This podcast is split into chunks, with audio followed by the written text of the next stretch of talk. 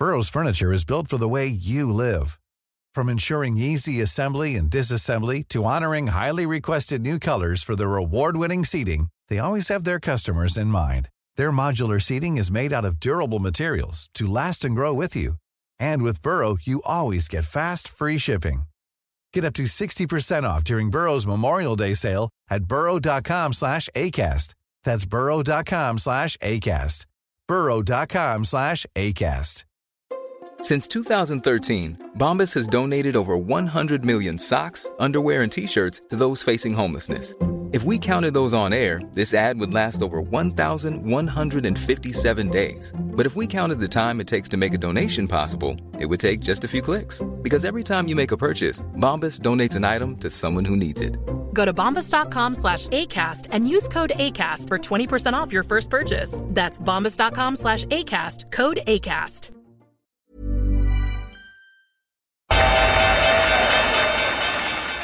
They mistook leverage for genius. Leverage for genius. I would recommend Japan. The governments don't rule the world. Goldman Sachs rules the world. Velkommen til en ny episode av podkasten 'Tid er penger', en podkast med Peter Warren.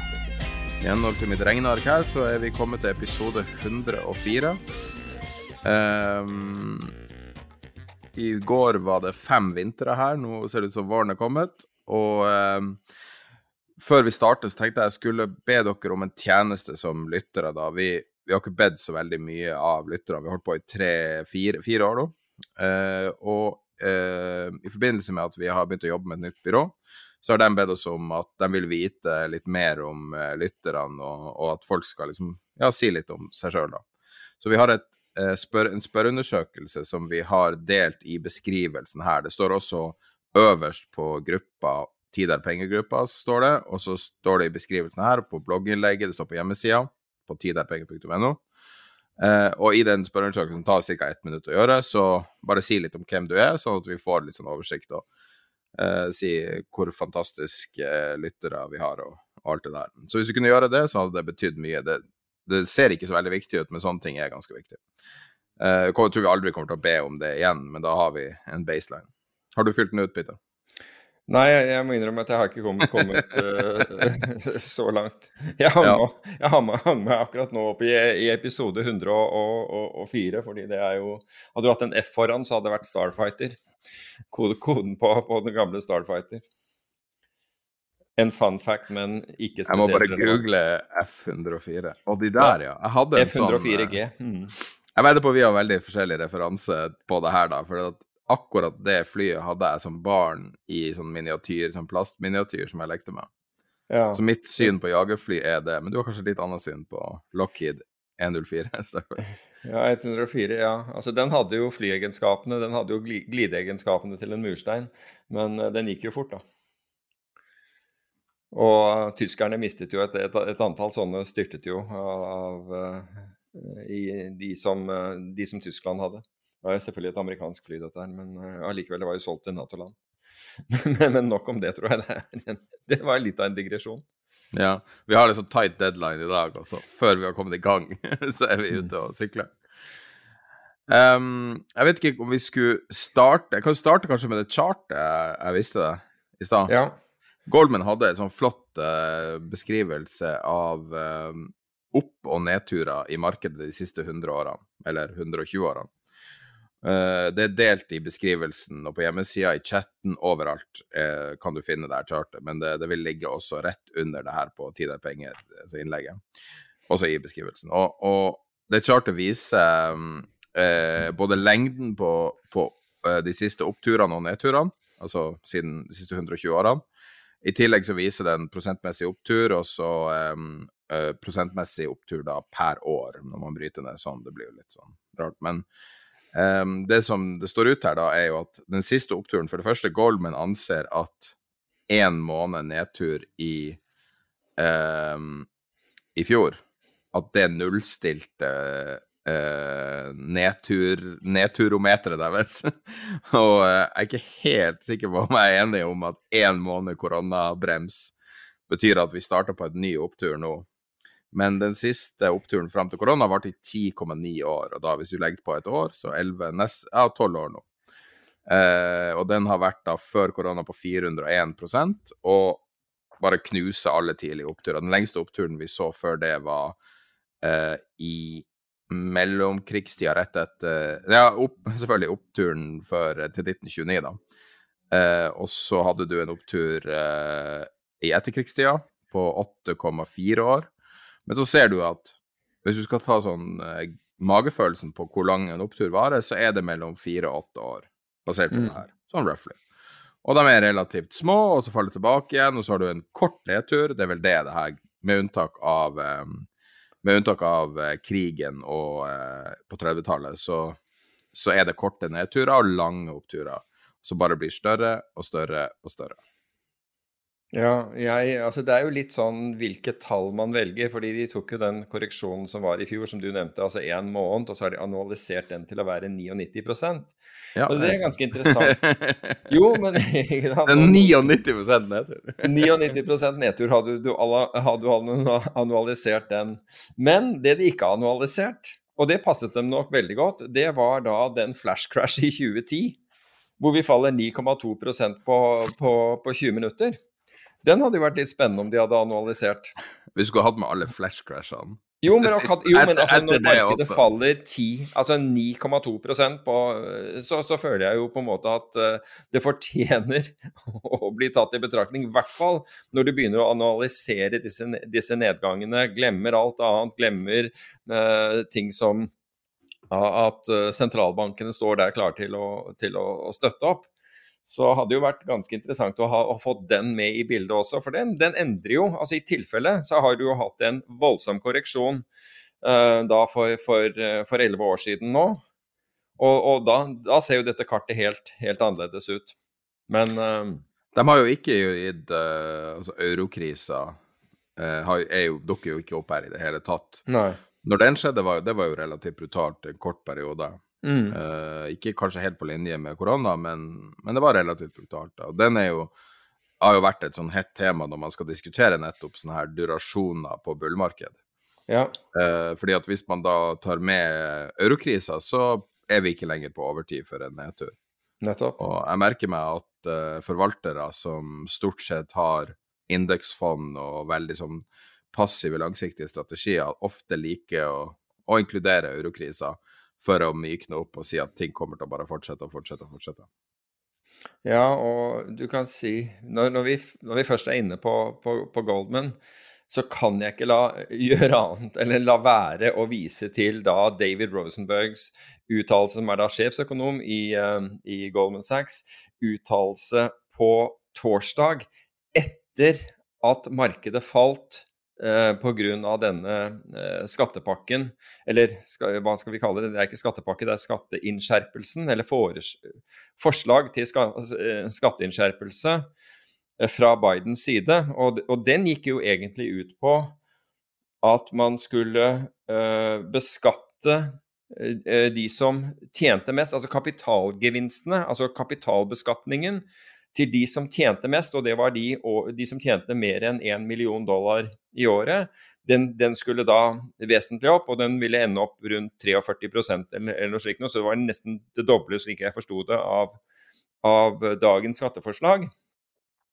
Og du kan si at alle sånne eh, økte skatter skremmer jo vannet av markedet men, i, i, utgangspunktet. Men jeg må jo si at denne her altså Når du er i et land som har brukt billioner av dollar av skattebetalernes penger til å øke velstandsgapet, til å gjøre de rike rikere gjennom at de har formuer som da har blitt begunstiget fordi sentralbanken har kjøpt verdipapirer og presset dette markedet oppover, så må jeg jo si at det er jo en av de mest fornuftige øh, øh, skatteøkningene jeg har sett. For det, den henger jo sammen med at fellesskapets penger er brukt, og dermed skal fellesskapet få noe tilbake igjen for, eh, for den rikdommen som noen har fått. Så jeg syns jo at det skatteforslaget, eh, altså umiddelbart, made sense. Men oppi det hele, og tilbake igjen til Goldman Sachs, David Rosenberg, da, som er sjefsøkonomen, han går da ut og sier at i, i, en boble så kan det være um, dråpen som får begeret til, til, til, å, å, renne over. Og det er en ganske interessant uttalelse når Goldman Sachs har brukt de siste to ukene på å, på, på tilbakevise det eh, Peter Oppenheimer, som da er strateg hos Goldman Sachs, og som vi hadde om i en av våre episoder, hvor vi som nettopp sa at det var syv av ni indikatorer han fulgte som indikerte boble, men, men konkluderte selvfølgelig allikevel at dette var ikke noen boble, men det var syv av ni. Og det skapte såpass mye bekymring hos, hos kundene til, til, Goldman at de neste, altså alle analytikere etter der, e, etter etter Oppenheimer gikk da selvfølgelig ut og sa at det fantes ikke noe boble og det var ikke noe fare for det. Men nå gikk David Rosenberg, han kunne ikke ha tenkt seg godt om og sier at i en boble så er dette her, så er et sånt skatteforslag utrolig farlig for, for, eh, for markedene. Så jeg må innrømme jeg lo når jeg så den. jeg så han, han si det, da tenkte jeg er det mulig? Den, den får han, den får han bikkjekjeft for når han kommer tilbake. Det er, det er, temmelig, det er jeg temmelig sikker på. Og i, i, samme, i, samme, intervju så var det en som sa at øh, Målt over ti minutter så har vi aldri sett, eh, så har vi ikke sett en lignende nedgang i SMP 500. Altså hvis du målte markedet over de neste ti minuttene. Eh, jeg har ikke sjekket de tallene. Jeg syns nesten det er oppsiktsvekkende at man ikke har falt eh, lenger på tid. Det må vi ha gjort. altså både under, både under flash crash må jo markedet ha falt mye mer på ti minutter enn det. Så det kan jeg, det kan jeg ikke forstå. Men i hvert fall, det var stor det var, det Markedet falt brått på torsdag, men tok seg da opp igjen på, uh, på, på, på fredag. Mye fordi mange trodde at uh, Bidens forslag ikke ville gå igjennom. Men jeg tror Biden forsvarer dette nå i helgen med å si at det er 0,13% eller noe sånt noe, av skattebetalere som blir rammet av dette. Mm. Så det er ikke sånn at dette, dette sprer seg, uh, dette sprer seg vilt og, og mye. Jeg har to tall um, Jeg har to tall for å Altså relevant til det her um, skatteendringa. Det ene er 440 000. Nå tar jeg det på husk, men det er ca. 440 000.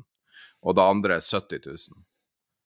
Og de to tallene er Det ene er antall nye ansatte Amazon har uh, Altså antall nye folk Amazon har ansatt som ikke uten, Altså eks-sjåfører Eh, på lager er 440 000 det siste året. Wow. Og 70 000 er antall sider i amerikanske tax-koden. Altså det amerikanske skatteregelverket som er kronisk komplisert for å eh, stimulere til eh, at man skal snike seg unna skatt, som er, har vært lobbyert i eh, 50 år. Eh, og Uh, selv om de hever skattene, så tror jeg nok det gjemmer seg så mye ting i de 70 000 sidene at det spørs hvor mye reelle skatteinntekter øker. Jeg vet ikke. Ja, altså jeg må jo si at jeg blir flau når jeg har problemer med egen selvangivelse når jeg hører at den, den skatte... Uh, altså, hva, hva, kaller vi skattekoden på norsk? Skattelovgivningen blir det jo på norsk. Er på 70 000 sider. Da, da, da føler jeg at jeg ville slitt der borte enda mer. Det er helt, helt klart. Ja. Nei, og det er jo blant annet eh, Det er jo helt sykt at det her er mulig, men det sier jo mye om hvor forskjellig USA er fra Norge. Men det er blant annet et selskap som heter TurboTax, som selger et et sånn uh, program uh, for å ja, for å gjøre skatte... Altså for, for å levere selvangivelsen i USA. Og de har lobbyert siden ja, altså jeg tror det siden tidlig 90-tallet for å komplisere regelverket mer og mer.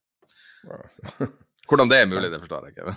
Nei, ikke jeg heller. Ellers så fra, fra sist uke, så Jeg tenker ting som skjedde som var litt, eh, litt oppsiktsvekkende, så var det jo det at Kreditt Suisse pga. dette ene investerings, eh, investeringsselskapet, altså Achegos, er nå nødt til å emittere De må ha inn ny kapital. Altså Det forteller deg litt grann hvor sårbart og hvor risikable eller risikovillige banker kan være. Så det er én kunde har da påført banken et tap som er så stort at de må emittere for å ligge innenfor, um, innenfor kapitaldekningsrammer og, og, altså, og, være regulatorisk uh, korrekt. Um, og det tenker jeg altså Og jeg hørte jo dette eh, bl.a. at den amerikanske sentralbanken begynte i økende grad nå, endelig, å bli bekymret for den situasjonen som, uh, som vi befinner oss i. Og en av de tingene, altså Hvis 4,9 milliarder, uh, altså som er da tapet fra Archegos, og totalt sett så er vel tapet fra Archegos, altså Én er at de tapte egenkapitalen sin på 20 milliarder, men jeg går ut fra at vi snakker om kanskje ja, begrenset til 10 milliarder utover det, da. Men hvis 10 milliarder begynner å rokke ved systemet, og du vet at det i hvert fall på det tidspunktet fantes 40 milliarder dollar i Dogecoin Nå skal jeg ikke gå berserk på, på, på Dogecoin igjen, vi snakket om det sist. Men da begynner du å se at hvis, hvis 10 milliarder eh, tap fordelt på noen finansinstitusjoner kan begynne å rokke systemet, hva skjer da hvis plutselig 40 milliarder forsvinner ut av én kryptovaluta som, som denne, denne, denne, Dogecoin? Du føler jo på en måte at du balanserer litt grann, eh, når, når, du ser reaksjonen på, eh, på eh, Reaksjonen på, på, dette med Kreditt nemlig at de må nå styrke egenkapitalen sin. De må ut og emittere for å kunne håndtere Eh, effektene av tapet av én enkeltkunde. Uh, ja, og apropos uh, hva var det du sa, 40 milliarder? 40 milliarder som, som Dogecoin var oppi, helt riktig. 22 milliarder pund var det Greensill forventa når de eh, vurderte ei børsnotering. Ja. Og du vet hvem som var innblanda i det, blant annet. En ganske prominent mann fra ditt hjemland. Og, altså, David, David Cameron. Ja, på grunn av, altså, som lobbyist, blant annet, tror jeg. Var det ikke det? Jo, altså, du, og, og, Lex Greensill er jo, så vidt jeg vet, er engelsk. Softbank er involvert. Vi, vi, egentlig så burde vi ta den Greensill-saken, men ikke, ikke, nå, for det rekker vi ikke. Men vi burde egentlig ta den, for den ser ikke ut til å være dekket, og den er jo egentlig kjempeinteressant. For det går også på, tilbake igjen til Credit Suisse, det går jo også på en banks manglende evne til å vurdere hva den driver med. Men jeg, altså, så vidt jeg skjønner, bare sånn i korte trekk, så var vel Greensill eh, Trade Finance, var det ikke det? Jo, altså en, tenk, tenk deg et factoring-selskap. Ja, og uh, med vanvittig vekst. Uh, og jeg hørte en uh, Tilsynelatende. Ja, og, og, at det var en sånn major red flag. Når en sånn uh, på en måte blue chip-sak i aller høyeste grad det, det, er jo veldig lite vekst i sånne type businesser og du mm. får sånn vanvittig vekst, og at du får softbank på eiersida. Softbank sier nei, nei, det her er, det her er tech, det her er software, whatever. Altså, det, det, ja. bare, det bare sier det, og så er det det. Det blir jo mm. litt som we, altså det, det her er jo, nest, altså nesten kopi av WeWork, både i form av valuation, i form av at Softbank kommer inn og bare roter med hodene til de folkene, og alle fantaserer om hvor rike de skal bli. Og, mm. Altså, Softbank er et grunnleggende problem i verden nå. De lager mye trøbbel, altså. Ja, de lager mye, mye trøbbel, men en sånn Greensill-sak burde egentlig kunne skje. Men vi trenger ikke å, å gå mer inn på det. Vi kan jo eventuelt ta mer om dem, og det gjør jeg gjerne også. Jeg, jeg syns jo at det er en, en, en, betegnende sak. Men ellers så må jeg jo si at i forbindelse med Archegos og, og Credit Suisse, der, der, tror jeg der har de, Dagens Næringsliv en virkelig utfordring når det gjelder begreper. For det første så kaller de, green, kaller de Archegos gjentatte ganger for, for, for, et hedgefond, hvilket det ikke er. Det er ikke et fond engang, det er et investeringsselskap. Men, de, men Så de begår den feilen om og om igjen, til tross for at det er helt klart at det er en family office, med andre ord et privat investeringsselskap. Og så når eh, altså Først var det jo helt riktig det at um, sjefen for risiko, uh, risk management i Kreditt måtte gå av. Men så skrev de at to av, to av bankens meglere måtte, må, må, måtte, slutte også. Og det er jo helt feil, fordi det var sjefen og nestsjefen for private banking-enheten, og de er ikke meglere. De, de, de, driver med finansiering av posisjoner, så det er, må, måtte gå. Og det hadde jo ingen, på en måte, ingen relevans hva, hva, hva, hva meglerne gjorde. Så, Men det er vel et, gjent, et gjengående tema i denne podkasten at uh, norske finansmedier kaller alle dem ikke helt vet hva gjør for meglere. Ja, det kan være. Det kan være. Det er, og, og jeg er kanskje helt fornøyd med det. Jeg vet ikke. Så, men, eh, Apropos men ja. meglere, det er jo en veldig smidig overgang til meglere i dobbeltrolle. Ja. Og det er jo Altså, vi snakker mye om Finanstilsynet her, men det ser ut som de uh, begynner å virkelig å gjøre jobben sin, da. De Ja, gjør altså, noe, det- eh, noe, i hvert fall. Det begynte jo med at de, at de så på meglerhuset Arctics analytikere som drev som hadde, En i dette tilfellet, jeg tror han var sjefsanalytiker, som hadde da kjøpt aksjer forut for, for å lage en veldig positiv rapport om, eh, om, om et, et selskap. Og så, hvis, eh, hvis media har, har rett i det, så ble han skiftet til en annen stilling, blant, så vidt jeg forsto pga. kritikk fra uh, Finanstilsynet. Men han som da overtar rollen hans, han gjør, han gjør akkurat det samme i samme aksjen. Det er jo ganske interessant. Og Mm. nå har man da og nå, Man skulle nesten tro at det er sånn det funker, at det her er business as usual.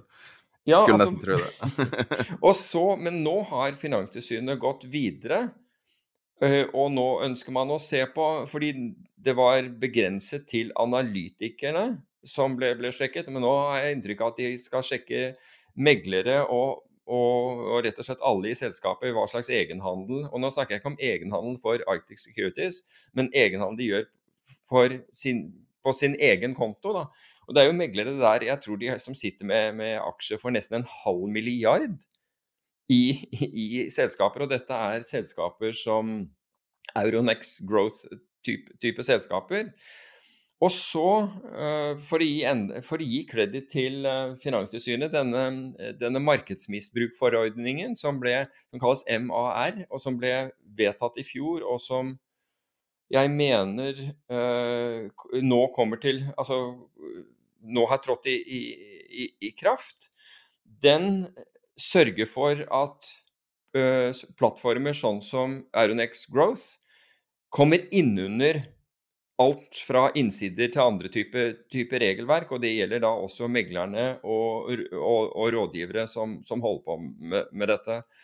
Og i den så, så er det jo slik at eh, i hvert fall hvis jeg har forstått den riktig, er at markedsaktører, eller prominente markedsfigurer, altså som, som da kan si noe som flytter en aksje, da altså hvis du hvis, hvis den personen forteller deg at i morgen kommer jeg til å snakke veldig pent om, eller si noe veldig positivt om et eller annet selskap, så, bli, så er, kommer du i innsideposisjon. Men selvfølgelig mye mer hvis du er i et meglerforetak, enn om dette er private, eh, private aktører, vil jeg, vil jeg tro.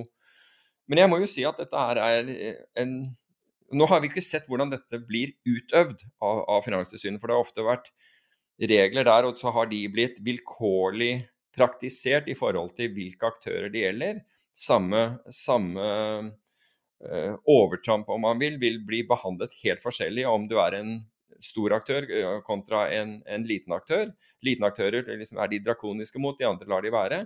Men jeg må jo si at dette, dette er en, en positiv altså, Og hvis det er slik at Finanstilsynet og ikke EU uh, sto i bresjen for dette, men Finanstilsynet som ser at vet du hva, denne, denne plattformen, altså Euronex Growth, faller utenfor, her må vi gjøre noe. Så all ære til dem for å ha på en måte tatt den uh, tatt den stafettpinnen og gjort noe med det veldig fort. Ja, noe må kan- de jo gjøre. Ja, altså, det er jo ja, det er. Ja, men altså, jeg lurer litt på hva det er folk kan gjøre. Fordi at det er Det, det vet du. De, de, de Altså, nå mener jeg utenom de her ni folkene i kommunikasjonsavdelinga, men altså det Ja, så, Som svarer ingen kommentar? Men dem jeg har møtt i Finanstilsynet, har jo alltid vært har jo alltid vært folk som virker å brenne for det de gjør. Sant? Jeg, skjønner ikke helt. Det er jo mye som på en måte får holde på. Folk får lov å sitte og, og gi både, investeringsråd. Både si, men noen brenner absolutt for det de gjør. Det er jeg helt enig i. Ja. Men at folk får lov å sitte og gi investeringsråd i hytt og pine, f.eks., det har vi sett mye av nå. Med Ja. de her eh, TikTok-investorene og, og dem som sikkert ikke vet at, Mm. at det her er, det er konsesjon på i råd. Og eh, når du ser på det, alle de her eh, ymse bitcoin-børsene og alle de her forskjellige tingene som har dukka opp de siste årene, så har det jo vært, vært mye rot. da. Jeg tror det er ordna opp i mye av det, men eh, Ja. litt sånn usikker Altså Hvis jeg skal putte dette i et, i et historisk perspektiv, og det skal jo ikke på en måte nåværende finanstilsyn få eh, få noe av skylden for. Det het jo uh, Kredittilsynet før, før, det, og det er jo langt tilbake igjen. Men jeg husker på 80-tallet, da laget jeg en indeks over norske aksjefond, slik at du kunne måle aksjefondene mot hverandre. Og da hadde jeg jo jobbet på, på, for Oslo Børs like før det, og jeg ble kritisert ekstremt. At jeg fikk så mye uh, kjeft fra meglerhold den gangen. Fordi den gangen, ved å gjøre det, så ble, det målt, ble aksjefondene målt mot, mot hverandre. Men før det så drev de egenhandel, og gikk det dårlig, så ga de det til fondene. Og jeg tuller ikke, altså det skjedde de dårlige handlene, de de tapte på, gikk da, da, til aksjefond. For aksjefond ble ikke målt mot hverandre, og det var skatteinsentiver som gjorde at folk kjøpte aksjefond. Jeg tror du fikk 40% redusert eller noe sånt hvis du uh, skatterabatt hvis hvis, hvis du kjøpte aksjefond. Og når de begynte å bli målt mot hverandre, så kunne jo ikke det ene altså Hvis du hadde da, hvis den ene banken, for det var stort sett banker som hadde dette, det var noen veldig få uh, privatforetak, uh, hadde et aksjefond som gjorde det vesentlig dårligere enn andre, så gikk jo pengene til de som gjorde, gjorde det bra.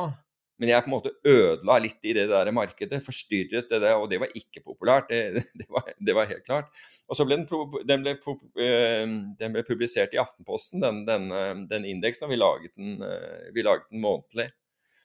Men så hvis, hvis, du går tilbake i historien, så har det vært ganske vill vest når det gjelder, når det gjelder egenhandel, men det har blitt betydelig skjerpet. Nå, nå, skal det sies, det var ikke egenhandel for, for meglernes privatkonto det var snakk om den gangen. Det var, megler, det var egenhandel for meglerforetakets uh, konti. Uh, og risk og regning, men, men, du kan si at det var vel ikke så mye risiko når de kunne bare hive tapene på, over på et aksjefond. Men uh, det er jo blitt Altså Norge var vel det mest legendariske innsidemarkedet en periode? Jeg vet ikke. Fram til altså, utlendinger kom inn, da. Da forandra det jo seg permanent. Ja, mu mulig. Altså alle land må jo bygge opp et altså, Som ikke da umiddelbart adopterer et annet regelverk. Altså Det var jo veldig rart, for når man skulle lage et opsjonsregelverk i Norge Nå skal vi ikke gå altfor mye historisk til vei, så skulle, insisterte man på å lage dette her fra bunnen av.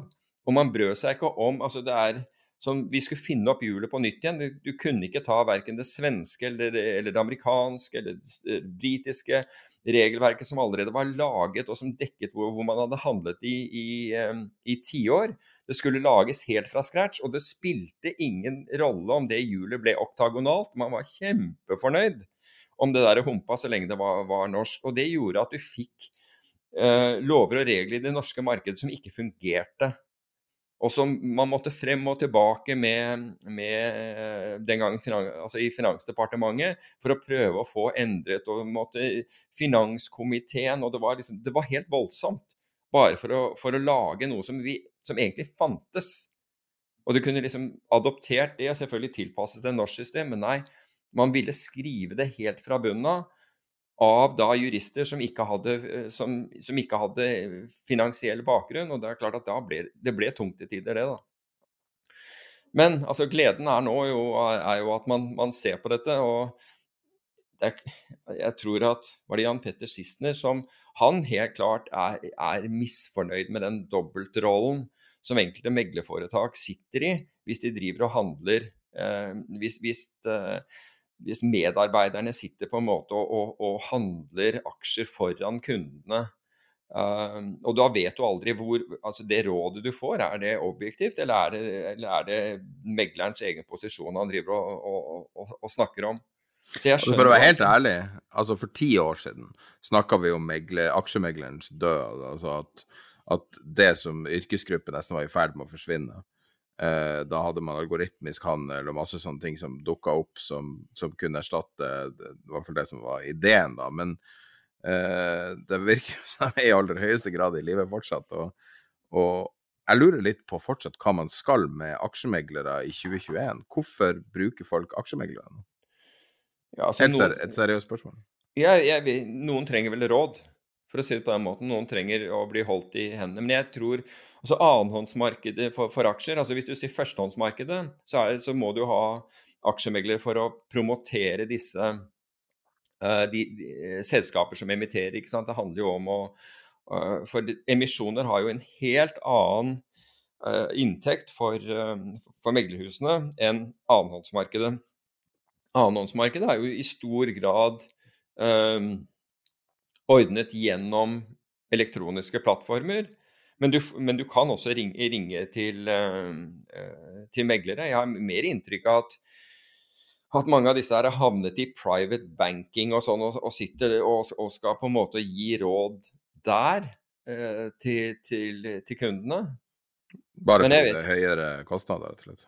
Ja, der er det jo høyere provisjoner. Men sant? jeg husker jo, altså gammelt av så var det jo veldig sånn at grunnen til at du hadde eh, aksjemegler, var altså til viss grad som sier, hold i handa. Altså, det, det, er noen å snakke med. Og, og, og, det er jo litt sånn Det er jo et spesielt marked, eh, finans, fordi det er så mye rykter. Det er så mye Det er så mye eh, liksom backstabbing og rykter, og mye av det kommer ut av den meglerrollen der eh, megleren må jo ha noe å si. Så de ringer rundt til folk hver dag og må ha en eller annen historie å fortelle. Og hver dag, altså Vi lager jo podkaster, vi vet jo at det er vanskelig å ha noe å si av og til. Uh, og Det er ikke alltid det er noe mm. fornuftig å si, men da kan du alltid spre rykter. Har du hørt? og så ringer du opp til kundene dine og forteller. Har du hørt? Og så forteller en eller annen vandrehistorie. Mm. Og, og, og, på en måte så, så har vel kanskje den delen av aksjemegling bestått.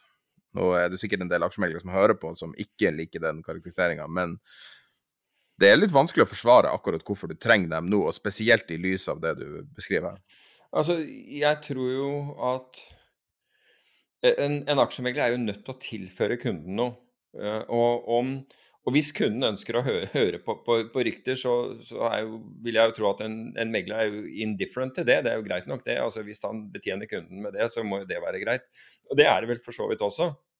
Men jeg, jeg tenker jo at det er vanskelig å forsvare altså jeg tror Du må jo forsvare jobben din hvis du ikke bringer inn noe. altså hvis du ikke, altså Tidligere så var det jo flyten som var så viktig, men det var jo egentlig at megleren din fortalte om andre ordre. Ikke hvem som sto bak dem, men andre ordre som, som, som lå i, i, i, før markedet åpnet.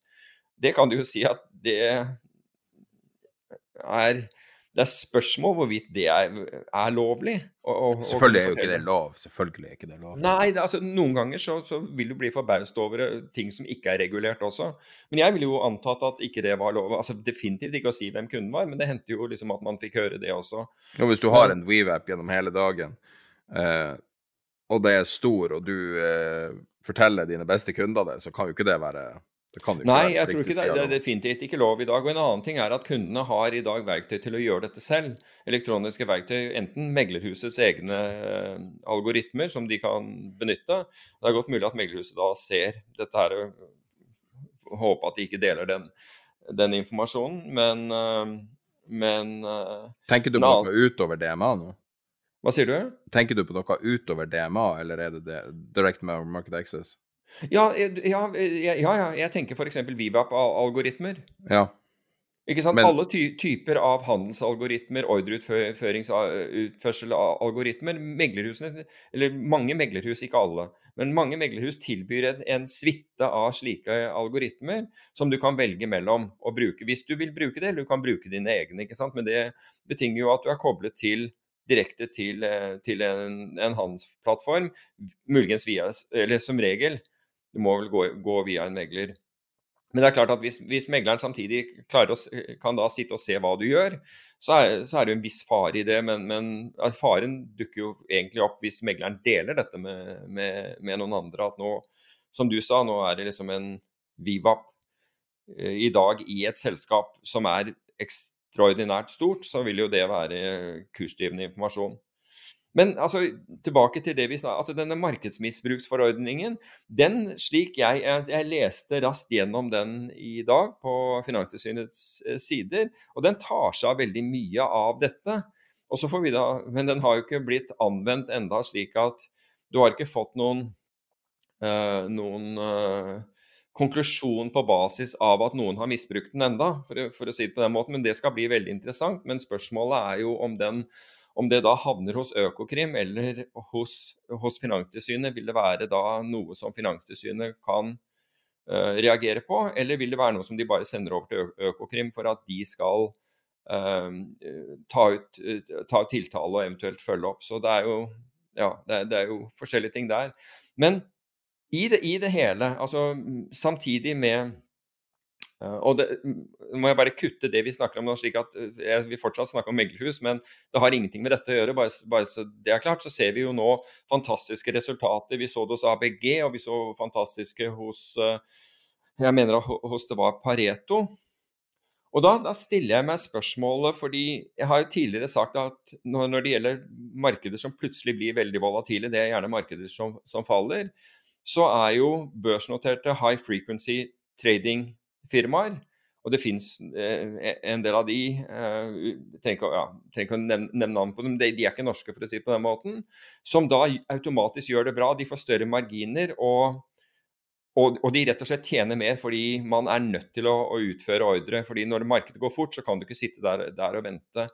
Men det slår meg nå at sånn som meglerhusene har blitt, nemlig at de får fantastisk Altså, de får jo oppdrag av Norwegian, jeg lurer på hvor mye de har betalt i, i honorarer til meglerhus som har hjulpet dem med emisjoner, og andre. Altså, når markedene faller, fordi markedene er Altså, selskapene er så høyt giret, så får de problemer veldig tidlig.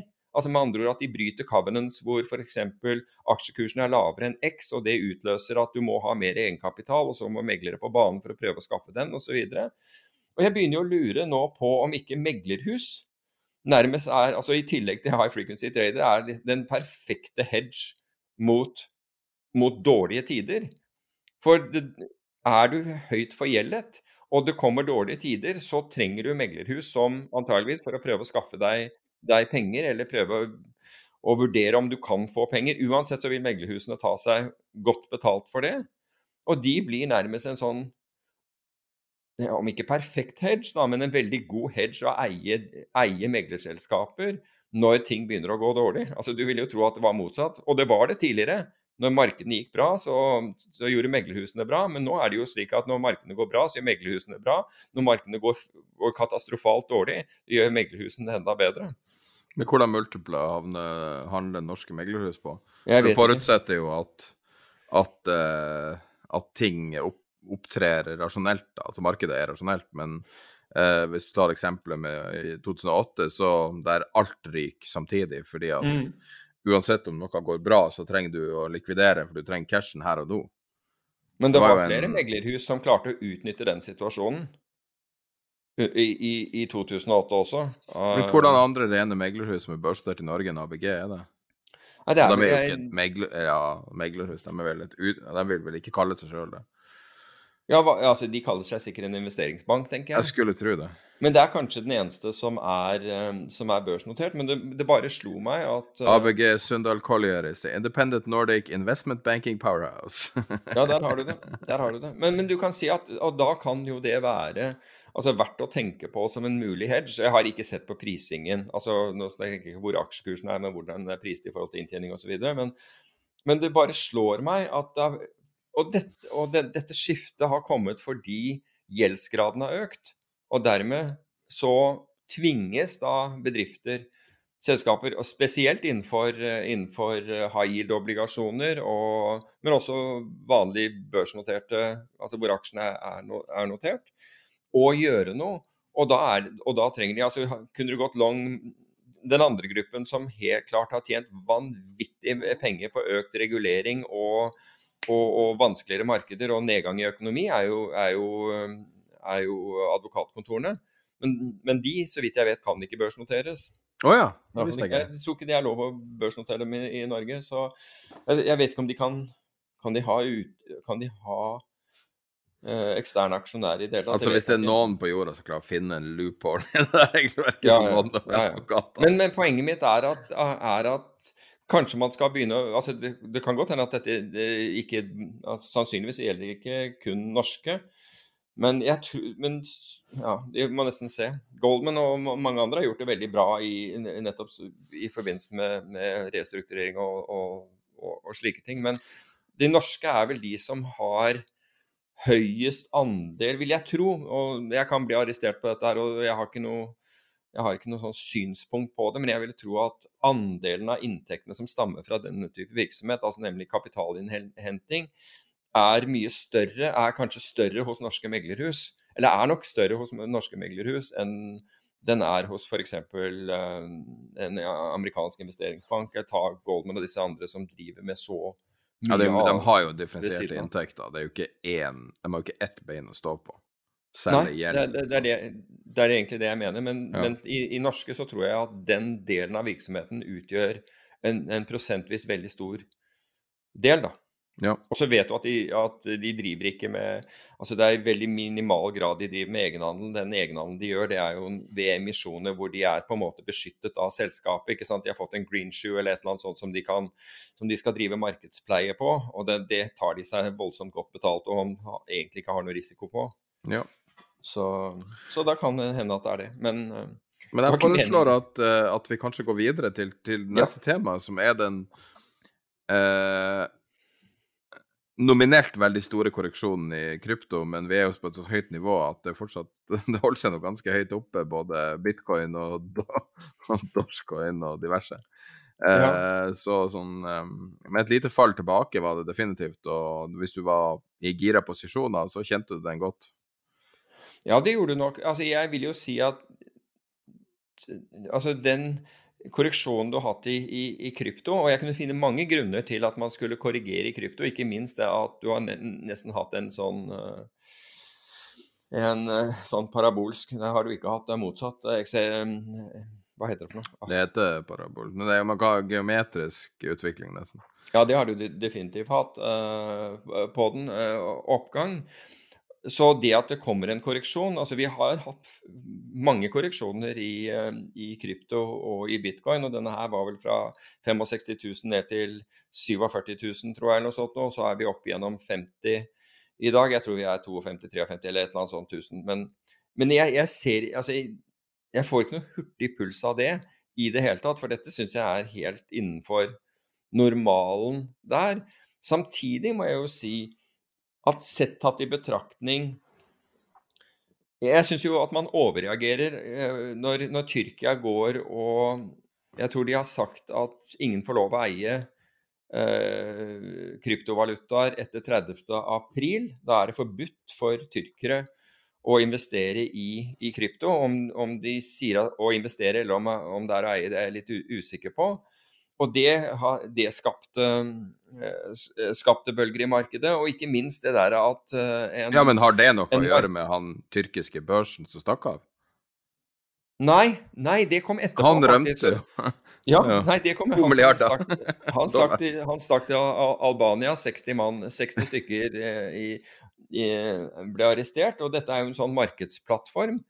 Altså, jeg, jeg fatter ikke altså, Todex heter den. Ja, nettopp. Men det fins, og det er det jeg ikke skjønner, det fins regulerte mark eh, markedsplattformer, altså børser om du vil, for krypto rundt omkring i verden, også i Norge. Hvorfor du skal gå og finne deg en ikke-regulert en, er beyond me. Hvorfor i all verden du skal gjøre det, det er liksom Hvorfor gamble med penger fordi, på den fordi måten? Fordi det er nytt, fordi at folk ikke vet hva de gjør. Ja, mulig, men, altså det, men nå altså det, kan, det, kunne jeg forstått for fem år siden eller ti år siden. Men nå har liksom debatten rundt kryptovalutaer og usikkerheten med og hva man har gjort i altså I fjor ble det gjort ekstremt mye innenfor ja, hvis, det. Hvis du ser på, hvis du ser på bit... Oh, sorry. Ja, nei, jeg bare tenker altså Du har fått Fidelity, du har fått noen av de store altså Depotmottakere finnes, og det finnes på en måte et system rundt her som kan gjøre det trygt for deg å eie. Du kan gå via ETF-er, hvis du ikke sant, eller den uh, Grayscale som ikke er en ETF, det er en trust, riktignok, men du kan gå gjennom den type instrument. Og så velger du allikevel å handle kryptovalutaene dine i en markedsplass som sikkert har en mye bredere bid-offer-spread enn en markedet for øvrig, ikke er regulert, ikke har noen garantier altså, ber, altså Det kunne du gjort i hvilket som helst annen finansaktiva og hatt samme risikoen, etter min oppfatning. Hmm. Men, men, det som startet det hele i, i Tyrkia, det, var, det, er jo Erdogan som Altså den tyrkiske valutaen og tyrkisk økonomien går dårlig, og tyrkiske valutaen har, har har, har, falt dramatisk, og man har måttet sette opp rentene et, et antall ganger for å forhindre spekulasjon mot uh, tyrkiske lire. Og det at Erdogan da går ut og forbyr byr krypto, det er jo Altså, han gjør ikke det nødvendigvis for å forby krypto, han gjør det for å verne om sin egen valuta, eller forsøke å holde den oppe og beholde makten over sin egen økonomi. Det er årsaken til at de, eller altså Tyrkia eh, gjør dette, og sentralbanken i Tyrkia og hele biten gjør det. Det hjalp jo ikke at han sparket sjefen for sentralbanken heller, når jeg tenker meg om. Men, ja, det er ikke, det er som, ikke den, e, altså, Du kan ikke si det i entall, det er jo mange sjefer han har sparka. Ja da, ja da, men, men, men, men si hvis du da ekstrapolerer ut, hvis du ekstrapolerer ut fra det her, og så ser ja. du OK, eh, Erdogan er under voldsomt press, du har eh, eh, tiltagende inflasjon, du har rente på hva det er, 17 Jeg tar det fra hukommelse, det er mulig jeg husker mm. feil, men rundt 17% Du har eh, et land som ingen vil ha noe å gjøre med. Og så ser du på USA i dag. Hva hvis presset øker på USA, vil de slå ned på bitcoin da? Det er jo ikke umulig. Altså, hvis folk ser på bitcoin som et reelt alternativ til dollar, så tror jeg ikke de lar bitcoin være i fred. Nei, det kommer an på hva du mener reelt alternativ til dollar. Jeg tror hvis du Reelt alternativ som store, storage of value, altså at hvor du kan ha pengene dine, det tror jeg er akseptabelt for, for den amerikanske sentralbanken. Hvis du begynner å flytte makten til bitcoin, og her vet jeg at jeg kommer til å irritere på meg mange av disse kryptofanene, men krypt, altså bitcoin som et betalingsmiddel i det øyeblikket du begynner å, å, å, leke med det Det er helt greit at man kan gjøre transaksjoner. For øvrig finnes det, finnes det um, Hva heter ATM på norsk? Um, hva, etter Minibanker. Minibanker. Minibanker i, i, i, Ankara. I Ankara fins det, det, bitcoin minibank. Bare så det er sagt. Men uh, På flyplassen der. Men uh, men i det øyeblikket du, du, flytter makten over et lands pengepolitikk, ikke sant, fordi det er jo det sentralbanken gjør. Den, den, den utvider altså, Det er vel ingen som, som, går den andre veien. altså Alle trykker mer penger. Men i det øyeblikket den biten til å regulere et lands økonomi uh, gjennom, gjennom, tiltak med valutaen, altså med å kunne trykke, trykke valuta, eventuelt devaluere valuta, gjøre den, den, type ting. I det øyeblikket du fratar et, et, lands myndigheter kontrollen over det, da tror jeg kanonene kommer ut. Da, da tror jeg ting som forbud og at det er forræderi og at, at, mye kan, kan, skje. Så til for for å, for å roe ned de, de største uh, kryptotilhengerne. Jeg tror ikke det vil skje. Jeg tror at Bitcoin og disse andre Ja, du kan gjøre transaksjoner med det ikke sant, I, i, i, i noen grad, men, lenge, men som, en, som, et sted å oppbevare verdiene dine. Og så kan du si at det er et sted som i hvert fall i øyeblikket fluktuerer voldsomt. Men hvis du er villig til det, det tror jeg, altså som et alternativ, digitalt gull eller hva man vil, den tror jeg du får, vil få lov til å Altså Så lenge det ikke blir en trussel mot et lands økonomi, så tror jeg du, du vil kunne få, øh, få, få, holde på. Men i det øyeblikket det blir en reell trussel mot et lands suverenitet når det gjelder sin egen, å håndtere sin egen økonomi, så tror jeg kan, kanonene kommer ut og vanskelighetene begynner. Og så sier noen ja, men bitcoin er altfor stor for det allerede. Det tror jeg er veldig diskutabelt hvorvidt den er. Jeg tviler på at den er for stor til det. Men jeg tror ikke at det er dit vi skal uansett, og jeg tror ikke det er dit man selv man ser for seg at, at, det, at, man skal heller. Men jeg tror at hele ideen da med å ha et, et makstak på 21 millioner bitcoin, det er jo å ha, å ha, dette taket. Gull har jo ikke det taket. altså Finner du mer gull, så finner du mer gull. Da utvides jo på en måte mengden av gull. Ja, Du vet jo hvordan gull kom til jorda? Det kom på en kom meteor eller noe sånt. Og det er et gitt antall. Altså er, man har utvunnet eh, noe sånn som 95% av alt gullet som eksisterer på jordkloden, teoretisk. Jo, men poenget, det, det, kan være at du har, du har, rett, men poenget er at man stadig finner mer gull. Man finner gull i Asia, man finner, man finner gull i, i, Afrika. I Europa vet jeg ikke. Det, men altså, det fins jo steder hvor man fortsatt Peru er e, e, et av stedene. Sierra Leone er et annet andre siden av Afrika. så På, på østsiden fin, finnes det også gullforekomster. Så det finnes fortsatt altså Poenget er at gullmengden vår, den er, den er Det kan være at den er bestemt, men har, jeg har i hvert fall ikke sett tallet. Men Jeg har talt deg, hvis du vil ha det. Ja, kom igjen. Eh, 92 000 tonn eh, gull er utvunnet Altså totalt utvunnet 197 000 tonn. Og, eh, og det tror jeg inkluderer below ground reserves på 54 000 tonn. OK. Det er i henhold okay. til gold.org. Eh, Så- go, okay. Så man utvinner mer, ja, men det blir vanskeligere og vanskeligere på nøyaktig samme måte som bitcoin. For det er jo det som er inspirasjonen. Det er jo ikke uten grunn Ja til da. å kalle det mining. Nei, men, men, men du Ja, men OK. eh, Altså, gull og, og bitcoin er i, i for så vidt i, i noe av den samme eh, samme sfæren, om du vil, da. Men bitcoin vet vi er på bom, der stopper det på 21 millioner. Men poenget er at hvis du ønsker da et ikke-inflatorisk aktivum å ha pengene dine i, så, så kan bitcoin være et, være et alternativ. Og hva er det for noe Gud skal vite, uten at jeg skal oppfattes som voldsomt eh, religiøs av den grunn.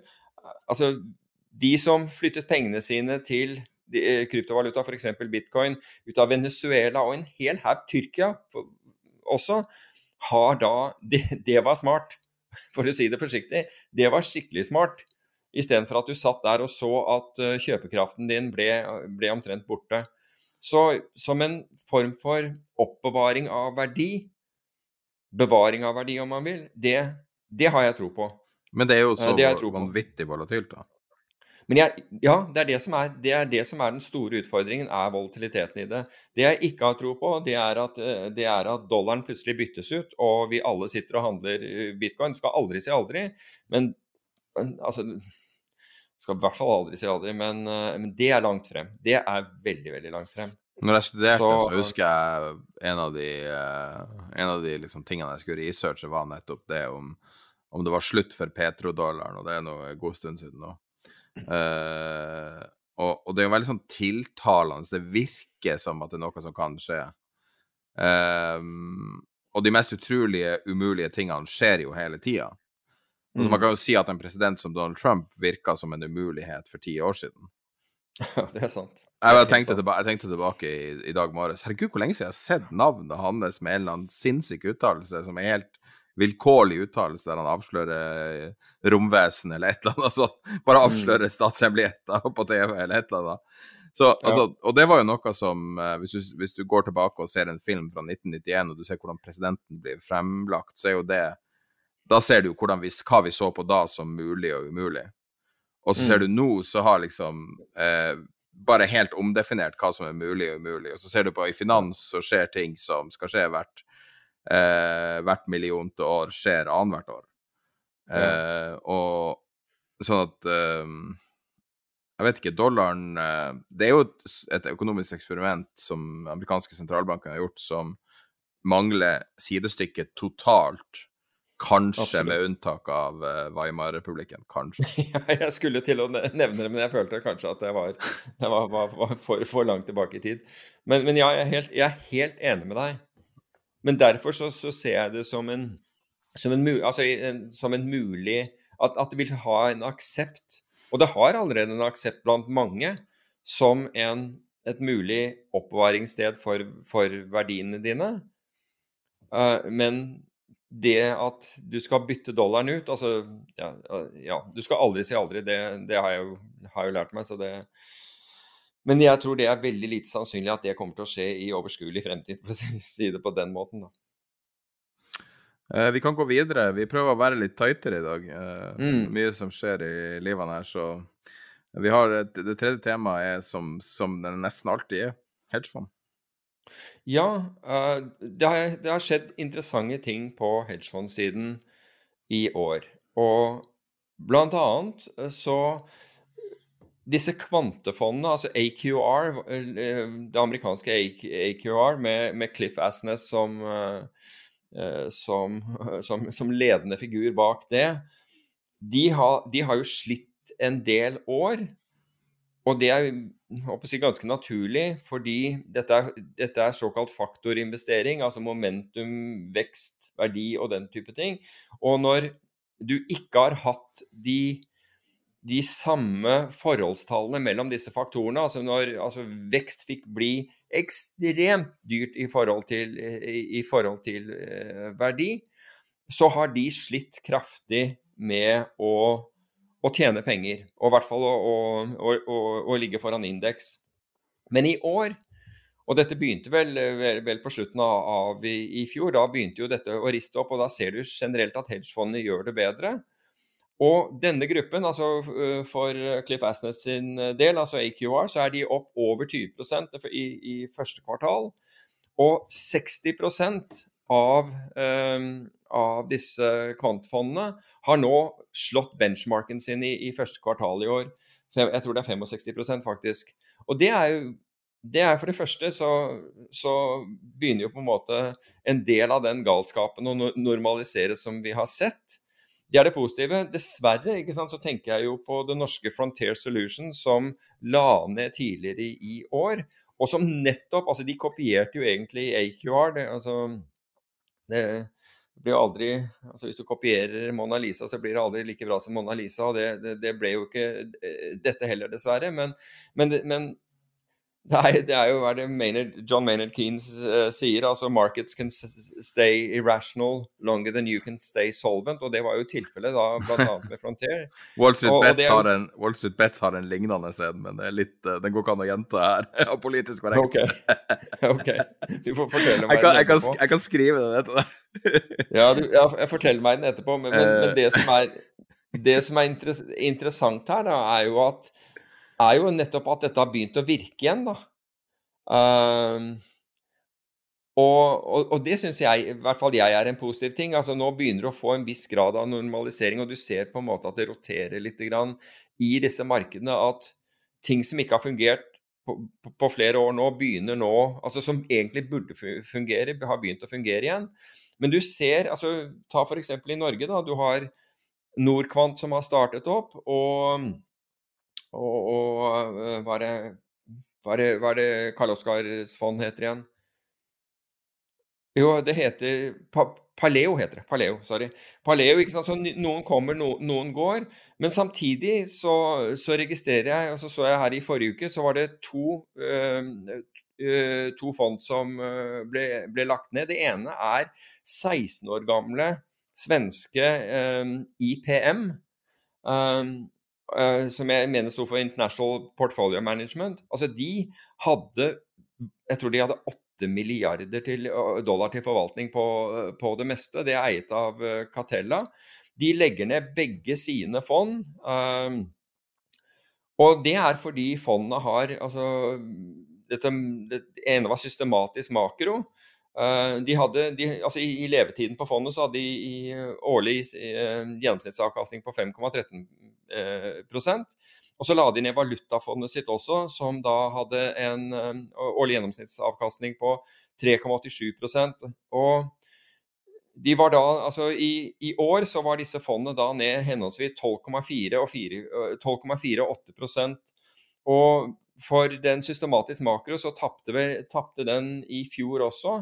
Den hadde vel tre veldig dårlige måneder på slutten av, av fjoråret. Men dette er fond som Altså, det, det for, bare forteller deg hvor mye Altså hvordan verden endrer seg, og hvor fremoverlent du må være som forvalter. da.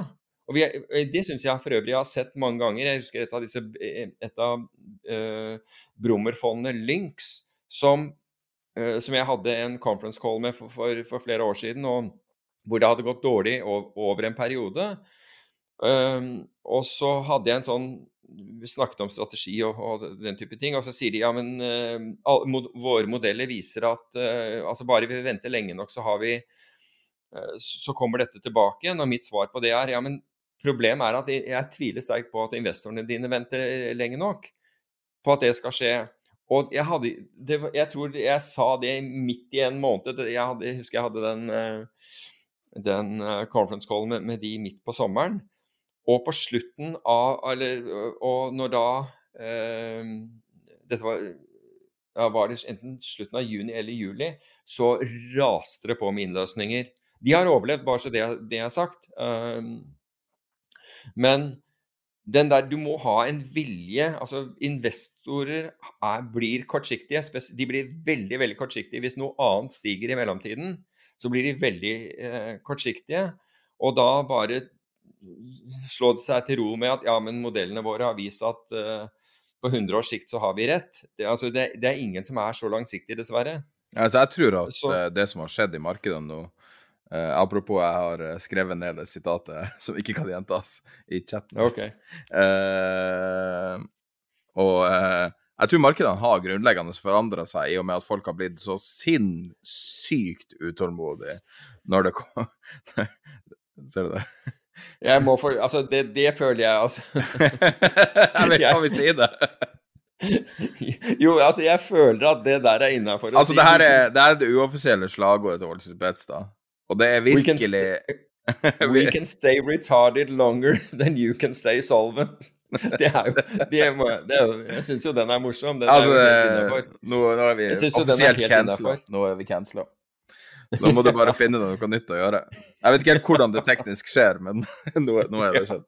Men Nei, nå går det svart hvert men, Men det har altså Det er liksom sånn Du har på en måte kontrasten. Det er interessant når du For mange som hører på, hører avkastning på Eh, på gjennomsnittlig avkastning på 3,87% og tenker herregud, hvordan er det mulig, liksom. Vi er jo vant til å ha hundrevis av prosent om dagen. Og mm. liksom, så, hvis man setter kontrasten opp mot det, da, så Jeg delte det i chatten i går eh, på Discord, eh, Tidapenger.no skråstrek live chat. Eh, og, eh, og, da var det en, en kar som hadde um, beskrevet litt hvordan de her bit, altså de her eh, alle de her pump and dumpene som vi har sett nå, der eh, ting som Dogecoin har jo blitt veldig mye omtalt.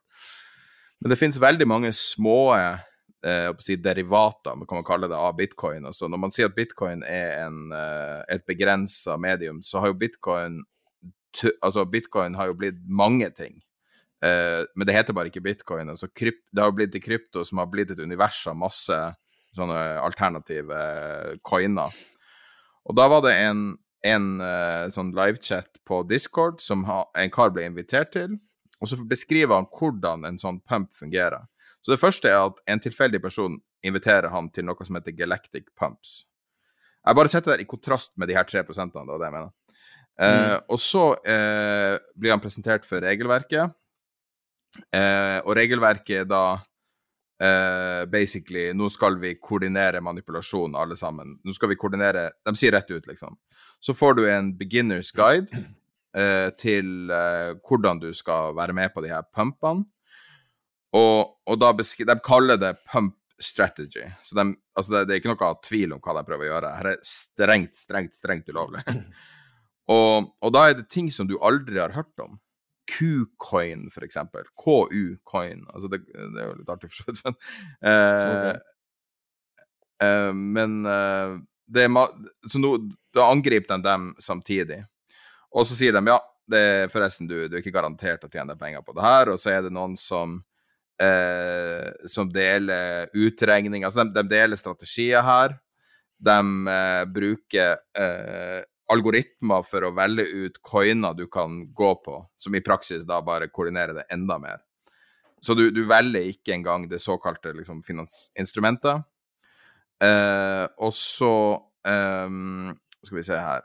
Og så har vi da resultatet fra en av de her pumpene. Eh, og den heter Reapcoin. Og den gikk fra 0,1 til 0,35 midt på natta Jeg tror det var midt på natta 23. Eh, april. Og du ser da den her spike til himmels, og så går tilbake igjen. Og det her skjer overalt i hele Og, og det går bare tilbake igjen at du har på den ene sida så har du de gamle pengene som på en måte Altså, no offense, men som representerer kanskje din approach, din generasjon, din eh, ditt verdenssyn, der man skal ha ukorrelert avkastning, relativt sett nominell lav avkastning, men den kan jo selvfølgelig gires men eh, der du har ukorrelert avkastning, veldig, veldig seriøse penger. Og så har du en ganske betydelig del av markedet nå som sitter Og der du kan se, du kan se oppslagsverket til dem, hvordan de koordinerer. For man har jo snakka om det med Wall Street Bets og sånt, det er en vits. Men det her er ren koordinasjon, det vi ser her. Det her er A, B, C, D-koordinasjon, der de har en, en checklist for hvordan de skal koordinere. Og det her er jo det vi har sett som eh, Når vi snakker om liksom, hva er det som blir nyttig, altså hva, hva er de her tingene som kanskje holder seg i finans. Fordi at de her gamle hedgefondene som kom ut fra 80- og 90-tallet, de sliter jo veldig mange. Og, så, og, og jeg tror en av grunnene er at folk har fått et grunnleggende annerledes syn på hva de forventer av avkastning, selv om kanskje en liten prosentandel. Og jeg, jeg tror at det er Altså selv om det er mye ungdommer og unger som sitter med det her, så tror jeg det her siphoner av en del av pengene fra markedet inn i de her helt sinnssyke, krim, sinnssyke kriminelle måtte, internettmiljøene. Hvis du skjønner hva jeg mener. Nå, skal jeg dele linken til hele det jeg beskriver nå, for det er litt vanskelig å beskrive det fordi det er så sinnssykt. Men du skjønner, du skjønner kontrasten. Altså, du har liksom den ultraseriøse hedgefondverden mm. som deler det samme universet som det mest useriøse jeg har sett i mitt liv. Du har de mest useriøse coinene gjort på de mest useriøse måtene. Og da tilbake til We can stay retarded longer than you can stay solvent. Altså, jeg, jeg, altså, jeg vet ikke hvorvidt Altså, noe er sikkert ulovlig, uh, for det er det du, Pump and dump er jo ulovlig, er det ikke det? Ja, ja, ja, for all del. Uh, for all del. Men jeg tror at alle disse tingene som altså Spesielt innenfor krypto, altså 40 milliarder til Dogecoin f.eks., det trekker jo penger ut av, av aksjemarkedet. men aksjemarkedet har kompensert det med belåning. Og det ser du jo, ikke sant, i og med at du har rekordhøy belåning uh, på, på, alle kriterier i aksjemarkedene for, for, for tiden. Så mens tidligere, altså hvor, hvor kreditt ikke hadde vært så tilgjengelig, så ville dette hatt en direkte effekt på aksjemarkedet. Det ville ha på en måte stoppet en del av etterspørselen. Så har det hatt veldig liten effekt på etterspørselen, rett og slett fordi folk har lånt mer. Ja. Um, men det betyr Men i den reelle balansen av, altså, av, av, penger, den reelle pengemengden under der, den er omtrent den samme. Slik at hvis noe klapper sammen, så, så får, får, det en voldsom innvirkning overalt. Og, ja, og, og vi ser jo at krypto korrelerer med aksjemarkedet veldig nå. Ja, fordi det er blitt en sånn uh, det, det, uh, risk on, risk off. ikke sant? På, på, samme måte, fordi folk tenker på det på samme måten. Og det tror jeg også gjør at sentralbanker, og jeg er helt sikker på at den amerikanske altså Powell, selv om han ikke har uttrykt noe enda, det, det ville forbause meg enormt hvis ikke de har begynt å sette seg opp i stolen og si at vet du hva, det som skjer nå, kan destabilisere eh, markedene, rett og slett. Hvis noe skjer nå, så, så, har du e, effekten av det vil veldig lett destabilisere markedene. Så det ville ikke forbause meg om sentralbanken heller før enn senere begynner å gjøre tiltak for å rett og slett dempe spekulasjon. Og det vil være logisk, eh, egentlig har vært logisk lenge, men, men, jeg føler at 40 milliarder dollar verdi av Dogecoin når, når, du får den i ansiktet når, når, når uh, Jerome Powell åpner Eller han trenger ikke å gjøre det, han ser det på forsiden av, av Wall Street Journal. Så kan de på en måte ikke ignorere effektene av at mye penger befinner seg i aktiva som reelt sett har, er enten ekstremt overpriset, eller i verste fall egentlig ikke har noe verdi. Har du hørt om H-Win? Nei. Det er et uh, amerikansk selskap som heter Hometown International. Børsnotert? nådde en markedsverdi på 113 millioner dollar, ca. nøyaktig 1 milliard kroner på 8. februar. Uh, vet du hva de driver med? Eller du vet selvfølgelig ikke det hvis du ikke har hørt om dem, da, men Nei, det er et retorisk spørsmål. Det er en kiosk i New Jersey som omsetter for 35 000 dollar i året. Ja, ja. Det trenger jeg si mer, egentlig. Um, det er altså, det er, ja. Hvordan tror du han føler seg når han leser det her? Det er han som har forårsaka det. Det er han, det er Janet Ja. Det er Bernanke og alle de andre før som elsker Ja det her uh, kick the can. Greenspan, ikke minst.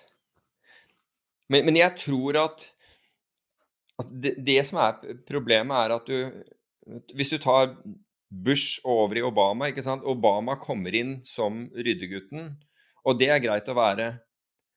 Det du, det du egentlig ikke har lyst på altså som, som president, og, og, og ta Biden, det er på en måte å, å være der i, dette, i det det dumper. ikke sant? Da overtar du noe som ser ut som en suksess, og så er det din feil at det, det, dette går gærent. Når du egentlig Altså når din hensikten din er å gjøre systemet mer robust, men tiltakene som er nødvendige for det, gir en midlertidig tilbakegang, da. Og jeg tror at det der, jeg tror de, Politikere er livredde for den der midlertidige eh, tilbakegangen. Det, altså dette er ikke noe for USA, dette gjelder jo vel så mye altså I alle land, tror jeg. Det der å være den som er der når det smeller, det, det er altså Eller, eller forårsaker nedgangen, eller kan ses på som forårsaker nedgangen. For det hjelper ikke å si at tiltakene som Trump gjorde, var, gal, var galskap, f.eks. Ja, men det var du som sto, sto ved roret. Og, så jeg tror, det er, jeg tror det er ekstremt tøft. Obama, som sagt, han kommer inn midt i krisen. Uh, og det er på en måte eh, krevende, men en mer takknemlig jobb enn å være en som kommer inn på toppen. Det er i hvert fall um, det, det tror jeg er helt sikkert. Så hvordan Powell skal reagere Men jeg tror at du blir tvunget til Når du ser den type overskrifter som jeg nevnte, så blir du tvunget til å foreta deg et eller annet. Du blir tvunget til å, å, å Altså, du, eh, du eh, Du blir tvunget til å tenke om tenking. Du, du blir tvunget til å Hvordan skal vi gripe dette her an? Du blir Vi må gjøre noe her, for Mm. dette her er dette her henger ikke, på, uh, henger ikke på greip. Vi må få stoppet dette. Men det var litt min feil. Jeg dro oss litt bort fra hedgefond, for du hadde faktisk en litt breaking news som jeg ikke hadde hørt om. Jeg vet ikke hvor du har det fra, men om Polar? Jo da, og det var, det var at uh, det, det norske hedgefondet, altså som jeg mener at de startet Enten så startet de tidlig i fjor eller mm, på slutten av året før. Altså Polar Asset Management. De hadde jo altså de hadde et, tror jeg, som het Polar Makro først. Men det svingte så voldsomt og hadde noe tap, og så la de ned det. Og så startet de Polar Value, som da skulle være bedre for, for, for investorene. De har nå stengt dørene. Altså de har lagt ned, ned fondet, altså da etter mindre enn to år. Og de som sto bak det, Vi har jo snakket om det vi snakket om det når det, når det startet. da, De kom fra, fra DNB, og han Ole Kristian Prestehulen han, han var jo sjef for valuta i, og trading, valutatradingen i DNB i veldig mange år. Um, så han hadde jo mm, jeg holdt på å si lang fartstid og, og god kunnskap, men i hvert fall uh, Slik jeg forsto det, da, så hadde de hatt såpass med, med innløsninger at det var ikke at de, de sa det å drive i konkurranse mot, uh, mot aksjefond i Norge er ekstremt vanskelig. Noen har jo klart det, da, helt, helt klart, men de hadde jo voldsomme svingninger, det, det, det skal sies. Og, så det, det er jo trist å se at, um, at det ikke gikk. Um, så vidt jeg vet, så altså, hvis du målte fra start, så tror jeg altså jeg, jeg mener at den første måneden var de oppe over 20% men det, det er jo sånn typisk at det er jo, det er jo deres egen kapital som, som er et risk da, og så kommer investoren inn etter hvert. Men, men at de hadde, i hvert fall det hevdes at de hadde positiv avkastning på altså Hvis du målte hele, he, hele perioden, men det var jo noen ordentlige svingninger. Og de tok jo, altså de var jo på forsiden av aviser og gikk imot markeder og, og, og den type ting. Så det er jo en tøff på en måte tøff standpunkt å ta. Og, Ja, jeg var i Finansavisen 15-20 ganger, og det er jo ganske sjelden for et hedgefond. også. ja, Noe som Finansavisen så, ikke Men altså, jeg, jeg ville jo sagt at når, når du har den Altså, nå gikk det som det gikk. eh, Ikke noe man kan gjøre med det. det Jeg bare syns det er synd. Det er, det er en tøff bransje å være i eh, i, i Norge, eh, og det er tøft å, å fighte mot, mot aksjefond, og spesielt i en, i en periode hvor, hvor alt dyttes oppover av, av sentralbanker, ikke Norges Bank riktignok, men av uh, sentralbankpenger fra de, de, de, store, de store landene. Men tatt i betraktning at de kom fra DNB, og at DNB har, har økt sin satsing innenfor eh, absolutt avkastning, type hedgefond, så, så, var det jo synd at ikke de hadde at de ikke hadde for eksempel, De kan ha hatt det, jeg vet ikke. Men at DNB ikke f.eks. ga de seed-penger, altså for en periode. Slik at øh, For DNB burde jo virkelig kjenne disse karene. Begge kom fra, fra, fra det systemet.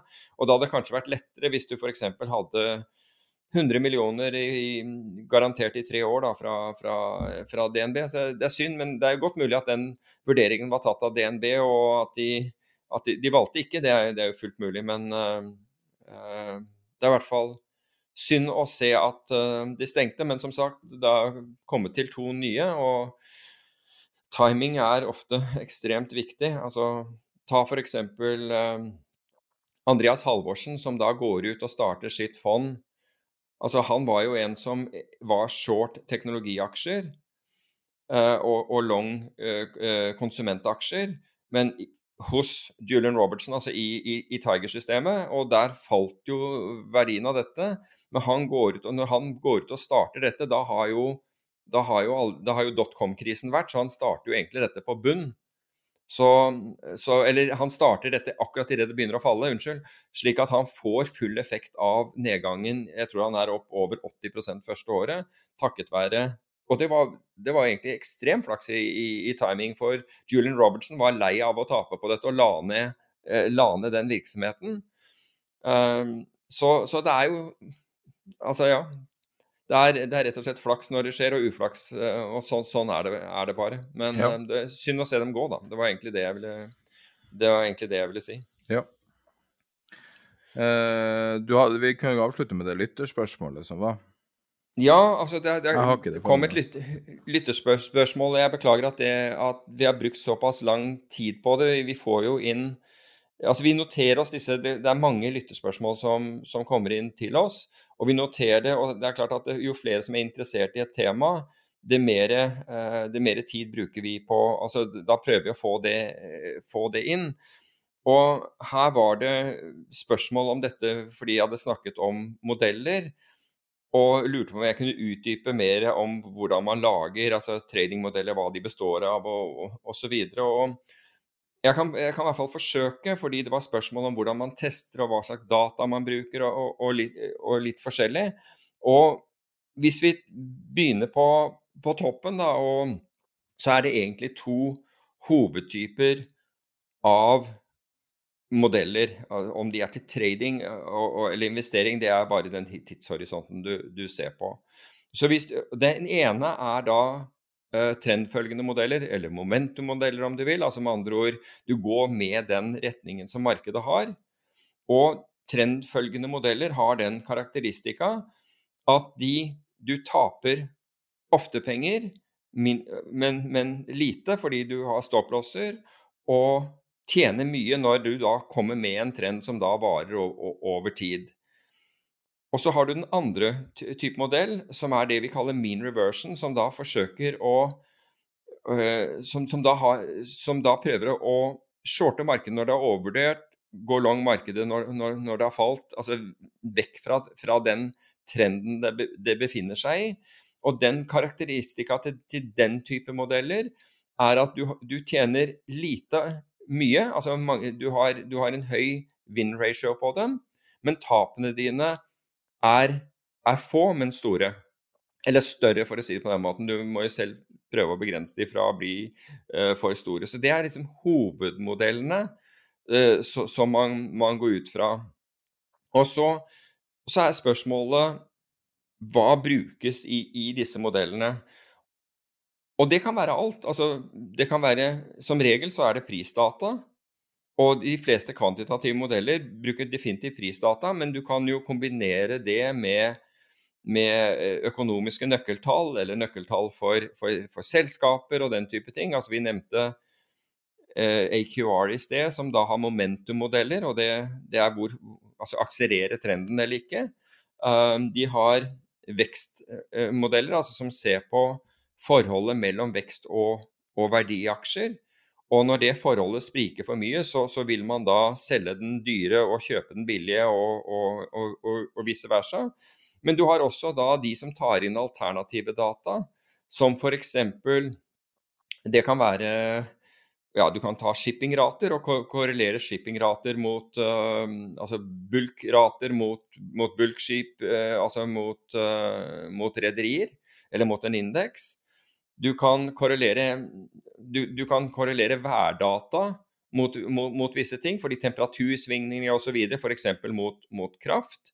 Så det er en hel haug av ting du kan, kan, gå på. Men, de, men hvis, du, hvis vi går tilbake igjen til de enkle dataene, som er prisdata, så er det også spørsmål hvor, hvor, uh, hvor granulert, altså hvor, hvor, hvor høyoppløselige må de dataene være. Og det er helt avhengig av hva du ser på. Hvis du er en high frequency trader, så trenger du high frequency data. Og spørsmålet var liksom Koster ikke sånne data mye? Jo, det koster veldig mye hvis du skal ha høyfrekvente data. Hvis du skal ha hvert eneste tikk med kjøper- og selgekurs, så koster det voldsomt. Det er altfor dyrt for privatpersoner å, å, drive med. Hvis du er fornøyd med, med, med, med TIC-data utover det, altså, så kan du få det på handelsterminaler. Det var en som spurte om, om Yahoo Finance hadde. Jeg vet faktisk ikke hva Yahoo Finance har av, av data. Vet du det for øvrig? Eh, altså, de har, jo, de har jo masse live data, da, så hvis du ikke har tilgang på Men kan du gi meg et eksempel? Men de live dataene må du, må du betale. Ja, altså Du kan si at får, får du, får du TIC-data der, altså viser disse hver, hver, På en kupp på en aksje? Altså, ja, f.eks. Eller på en indeks eller hva som helst. Altså har de De har en betaltjeneste som kanskje Men jeg tviler veldig på at du får historisk TIC-data, for det er jo veldig dyrt. Ja, altså det er ikke så dyrt hvis det ikke er, er, er voldsomt granulert, da. Men Infront-terminalen har, har, jo ned til, er det ikke på minutter? På ett minutt, tror jeg. De har i hvert fall ett minutt. Ja, men det er ikke koster masse fra dem historisk. Men du kan jo selvfølgelig ja. Du kan jo lage et skript som du tar opp din egen data. Ja, det kan du også gjøre. Det er helt riktig. Og det er jo det, er jo det man gjerne gjør. Altså man kjøper inn noe data, og så, og så fyller man på med data som man selv eh, eh samler inn. Og med Infront kan... er jo det spesielt enkelt også. Så ut fra det jeg kan se, så er ikke det er ikke TIC-data øyeblikkelig tilgjengelig på Finance, men uh, det, tror jeg, det er veldig litt sannsynlig, for det er jo nesten det dyreste som er. Ja, så, så, kan, så den tidshorisonten du, du, ønsker å operere i altså hvis du, hvis du investerer på ukes- eller månedsbasis, så er ikke TIC-data essensielt for deg. Men jeg kan fortelle én ting som er essensielt, og hvor jeg har sett fordi Av og til så er det noen som sender meg over uh, modeller da, hvor de mener at de har veldig gode resultater. Og det jeg da veldig ofte ser av de modellene, det er at fordi om en, fordi om en aksje har, eller en valuta eller hva som helst har handlet på et nivå, så betyr ikke at så, så har de da sagt at ok, da, da, har jeg fått kjøpt den på det nivået. Hvis det nivået har det vært laveste for dagen, eller høyeste for dagen, eller laveste innenfor, eller de har blitt signalisert av, uh, av, av, at de fått, av at det handlet der, så kan jeg garantere deg at du vil bli veldig skuffet når du begynner å bruke denne i praksis, fordi, fordi om det er handlet der, så betyr ikke at du får handlet der. Så hvis du f.eks. er kjøper på 18, og 18 handler, så betyr ikke at du får kjøpt på 18. Men hvis du ser at det handler på 17, da, du, altså, da, har du klart fått, fått, fått kjøpt på eh, Høyst sannsynlig fått kjøpt på 18. Så det er det første du må gjøre. Det er å se på at det faktisk Altså du må ha bevis for at du ville klare å få handlet hvis du hadde vært på 18. Det er ikke dermed sagt, for hvis ordren din var stor nok, så kan det hende at den aldri ville handlet ned gjennom 18 også, og, og du ville kun fått en delvis, eh, delvis posisjon. Så må du også huske på at det samme gjelder når du skal ut. Så hvis 23 viser seg å være toppen, så sier du OK, da fikk jeg solgt på 23. Nei, du gjorde ikke det hvis, hvis ordren din lå på 23, før du virkelig ser at den håndhandler igjennom det og går kjøper 23. Da har du kanskje sannsynligvis fått handle Altså lå du på 23 og 23 selgerne er borte, ja, da, da, da har du fått handlet. Men det er en av de feilene som jeg ser, og når jeg da beregner Altså hvis jeg kjører da en analyse på det, så ser jeg at veldig mye av gevinsten har forsvunnet fordi man har, man har tatt for gitt at man har fått handlet på, på, et nivå, til tross for at det nivået har vært det laveste i den perioden eller den høyeste i perioden. Så, så sånne ting må man, må man uh, korrigere for, og da blir resultatet dessverre ofte at uh, mye dårligere enn det man, man trodde. Og det andre, så, så, hvordan går man frem? Jo, måten du går frem på, når du lager en modell, er at du har en idé for hva du er ute etter. Du, du må ha en, en eller annen med mindre du har maskinlæringskapasitet eller noe sånt og bare kan la den leke med dataene dine. Som F.eks. så at du har ideen at hvis kursen går opp gjennom et 20-dagers glidende gjennomsnitt, bare for å ta noe som liksom flyr meg i hodet, jeg, jeg bruker ikke akkurat dette her, som vil være en trendfølgende modell, så, okay, så hvis kursen er gjennom den, så da må du for, for, det første identifisere hva er det som er gjennom den. Du må vite hva 20-dagers glidende gjennomsnitt er, og så må du da ta den første kursen som er over det nivået, og så må du være sikker på at du klarer å få handlet på det, på det nivået. Men La oss si at du handler på basis av at hvis kursen går opp gjennom 20 dagers glidende gjennomsnittet, så kjøper du. Faller den ned tilbake igjen under, under det 20 dagers glidende gjennomsnittet, så selger du. Da kommer du for det første antageligvis til å bli vippet litt frem og tilbake, så du må ha, du må ha på en måte et bånd som du tillater deg rundt det. Men du må, lage, du må da ha en hypotese og Så kan det være at du, du, tar inn andre faktorer, at du tar inn andre tekniske indikatorer som da samtidig skal bekrefte eller avkrefte det, det, det, du holder på med. Men til slutt så må du da ha laget en eller annen Hvis det skjer, og det skjer, og det skjer, så kommer jeg til å kjøpe. Hvis det skjer, det skjer og det skjer, så kommer jeg til, til å selge ut igjen. Eller, hvis, eller, jeg kommer til å ha en stopplås på X. Så, lag, så blir det skrevet da i programmeringsspråk. Og så tester du den da på Og så, og så tester du den på, på en kort eh, på, en tidsperiode som vi kaller in sample testing. Og det er den perioden du har valgt å teste på. Og her kan du teste, og her kan du optimalisere dette så mye som du vil, eller så lite som du vil. Men la oss si at den virker over denne testperioden din. Så sier du ok, her er jeg kjempefornøyd, den gjør det, den gjør det veldig bra. Det neste du da gjør, er å teste det på out of sample. Altså du test, tester det på et mye lengre eh, tidsperspektiv, og ser hvordan den ville ha gjort i den perioden.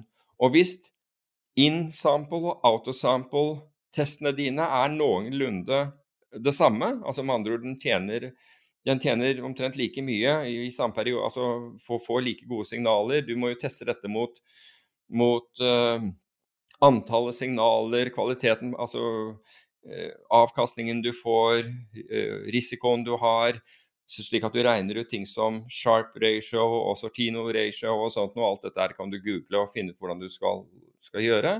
Men hvis, hvis da det, den, det, oppfører seg omtrent like bra out of sample som in sample, den gjør det aldri, i hvert fall har ikke jeg klart å gjøre det, men hvis de er ganske like, så har du antageligvis noe som er robust. Hvis du kan også teste dette på noe helt annet enn det du satte opp for til å begynne med. La oss si at du, denne her modellen var satt opp for å uh, på, på OBX-en på Oslo Børs. da. Og den samme modellen virker, på, virker bra på SMP 500. Og du tester euro-dollar, og den virker ganske bra der også. Da, veldig, da, begynner du virkelig å få en robust modell. Bare, så, så det, det, det, jeg har sagt, det er ofte ikke lett å få det til å, å virke like bra på andre aktiva klasser. Men det mer det virker på, det mer robust er, er modellen din. Så det er måten man, man tester dette, det, dette, på. Men det som er, etter min oppfatning, det aller vanskeligste, og det jeg har slitt med, og, hvert fall, og de som jeg kjenner som driver med dette her eh, profesjonelt, det er at vi vet at det er ingen modell som virker hele tiden. Så trendfølgende modeller virker fantastisk så lenge markedet beveger seg bortimot i én retning, men virker veldig dårlig når markedet beveger seg sidelengs. Da taper du massevis av penger, for da vippes du ut og inn av posisjoner. Så det som er krevende, det er å finne ut om markedet egentlig trender eller ikke trender nå. Hvis, hvis det står mellom det. Og da må man prøve å finne ut identifisere hva er det som da er en trend, slik at jeg vet at når det ikke er en trend lenger. Eller, eh, eller som er litt enklere å gjøre, det er å si at jeg ser på resultatene mine, altså profit og lossen, og når jeg har når jeg taper, taper, taper, taper i, i, over en viss tid, altså som er unormalt lang streng av tap, så er det helt tydelig at noe nytt skjer i markedet. Da skrur jeg den modellen av, eller så, eller så handler den med, minimale, eh, eh, med minimal størrelse. Kaster aldri modeller, de, de, ligger i bakgrunnen og på en måte jobber. Og så skrus de på igjen etter hvert som du plutselig ser at nå ser det ut som den modellen vil tjene bra med penger. Det kan være at du kommer litt sent inn, men det er ikke så viktig. Viktigheten er at, at nå ser, ser, forholdene som den virker under, de ser ut til å være tilbake igjen.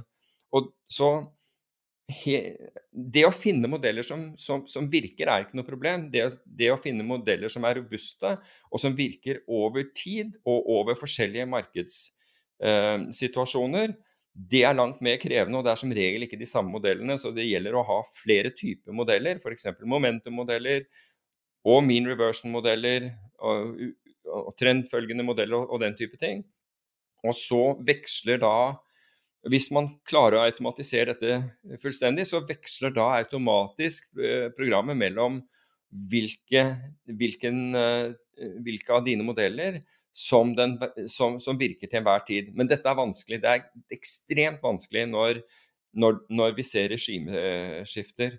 Hvis du tar f.eks. For forrige uke, hvor da Det var jo på torsdag kveld norsk tid, hvor Biden kommer ut med, med, med skatte, dette skatteforslaget. Så er det jo altså For alle som var daytradet inne da og var long, så var det jo bang. Altså, da, da, da røyk stopplåser umiddelbart. Og du får gjerne også en slippage på stopplåsen, fordi kjøpekursene trekker seg så fort at selv om stopplåsen din går på kurs 13, så fikk du kanskje kurs 11,75 eller noe sånt isteden. Rett og slett fordi det var ikke noe kjøper i, i markedet på, på, det tidspunktet. Så, så du kan si at dette er hva skal man si? Altså det, dette er ikke en viden, det er en vitenskap også, men det er også like mye kunst, fordi du må forstå hvordan disse markene virker. og Du blir aldri utlært. Det er det som er på en måte inspirerende med dette. er At du aldri blir utlært. Det er alltid nye ting du kan teste og prøve og se om øh, fungerer bedre. Men hvis man føler og ønsker å gå denne veien, så gjelder det å ikke optimalisere. altså Jeg snakket om denne insample-perioden. Den perioden hvor du prøver å, prøver å optimalisere. Ikke overoptimaliser modellen, fordi det mer du optimaliserer den for den perioden, det mindre er det sannsynlig at den vil virke på en, på, en, på en annen og lengre periode. Så det gjelder å prøve altså Det er en sånn balansegang mellom, mellom, uh, mellom disse. Men det er, det er, spennende å drive med, og, men, men, det er ekstremt frustrerende å, å jobbe i. Men man snakket om Bl.a. var det en som spurte om trefaktormodell med pris, volum og volatilitet. Ja, absolutt. Altså, volatilitet kan fortelle oss noe om, om hva det er som skjer i markedet. Hvis den plutselig eksploderer, så er det gjerne nyheter ute i markedet. Det kan passe for noen modeller, momentum-modeller f.eks., men vil være døden i anførselstegn for en mean reversion-modell. Så i det du oppdager denne e, et plutselig oppgang i volatilitet, altså en sånn veldig spike i volatilitet, så bør de modellene slås av umiddelbart. Og da må det skje elektronisk, for ellers er du ikke rask nok. Da brå øh, slår du av det. Når det gjelder volum, så har jeg mindre altså jeg, jeg, ser av og til på volum definert som antall handler som, for, som, som er gjort på, på, på, visse kurser. Men jeg vet også at de aller fleste tingene du ser på, så handles det flere andre steder også.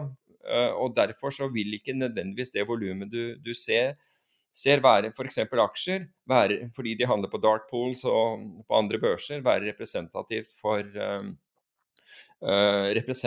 så du vil eh, være representativ informasjon, egentlig. Så du må egentlig vite på forhånd er dette noe som er, er, ser, jeg, ser, jeg dette, ser jeg alt volumet her, eller går det på volum på andre plattformer samtidig? F.eks. i krypto, sant, hvor, hvor, hvor, det handles på mangevis av plattformer. Ikke minst valuta handles på mange eh, plattformer. Så det voluminntrykket du får, hvis du, hvis du, er på en annen valutahandelsplattform, den er, altså med mindre du har EBS, er, så, er ikke, så, er ikke, det representativt for, eh, for noe.